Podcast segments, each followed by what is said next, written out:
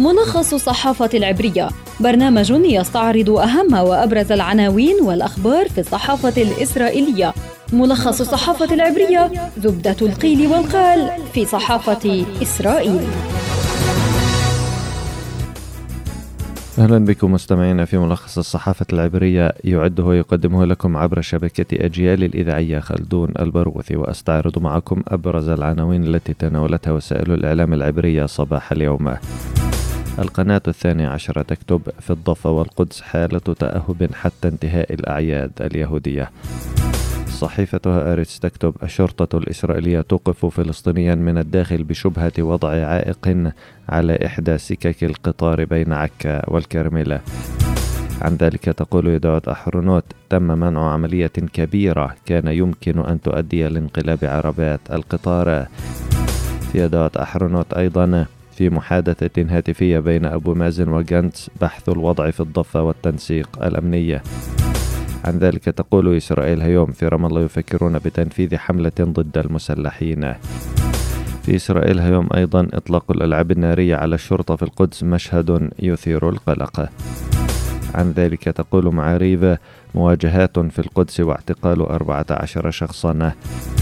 موقع والله والقناة الثانية عشرة كذلك يعنونان إلقاء زجاجات حارقة وحجارة في القدس.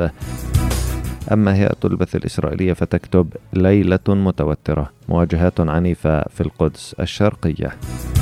قالت صحيفة هآرتس إن الشرطة الإسرائيلية اعتقلت فلسطينيا من الداخل بشبهة قيامه بوضع عائق على سكة للقطار بين عكا والكرملة وتم نقل المعتقل وهو من جديدة المكر للتحقيق لدى جهاز الشباك بشبهة وضع العائق الذي لم تحدد طبيعته.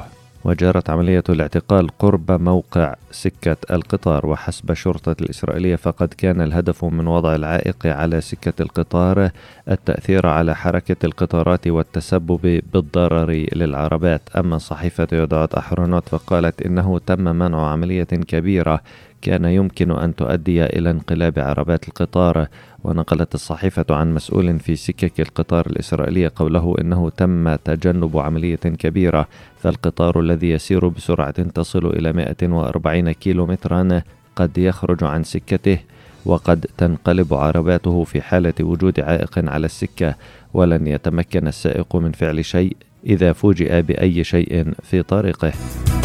كذلك تناولت وسائل الإعلام العبرية المواجهات التي وصفتها بالعنيفة في القدس الليلة الماضية والتي تخللها إلقاء حجارة وزجاجات حارقة وإطلاق الألعاب النارية باتجاه قوات الاحتلال.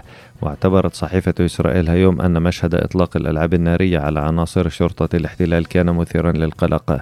فيما أشارت صحيفة معاريف إلى اعتقال قوات الاحتلال 14 فلسطينيا في القدس خلال المواجهات هذه.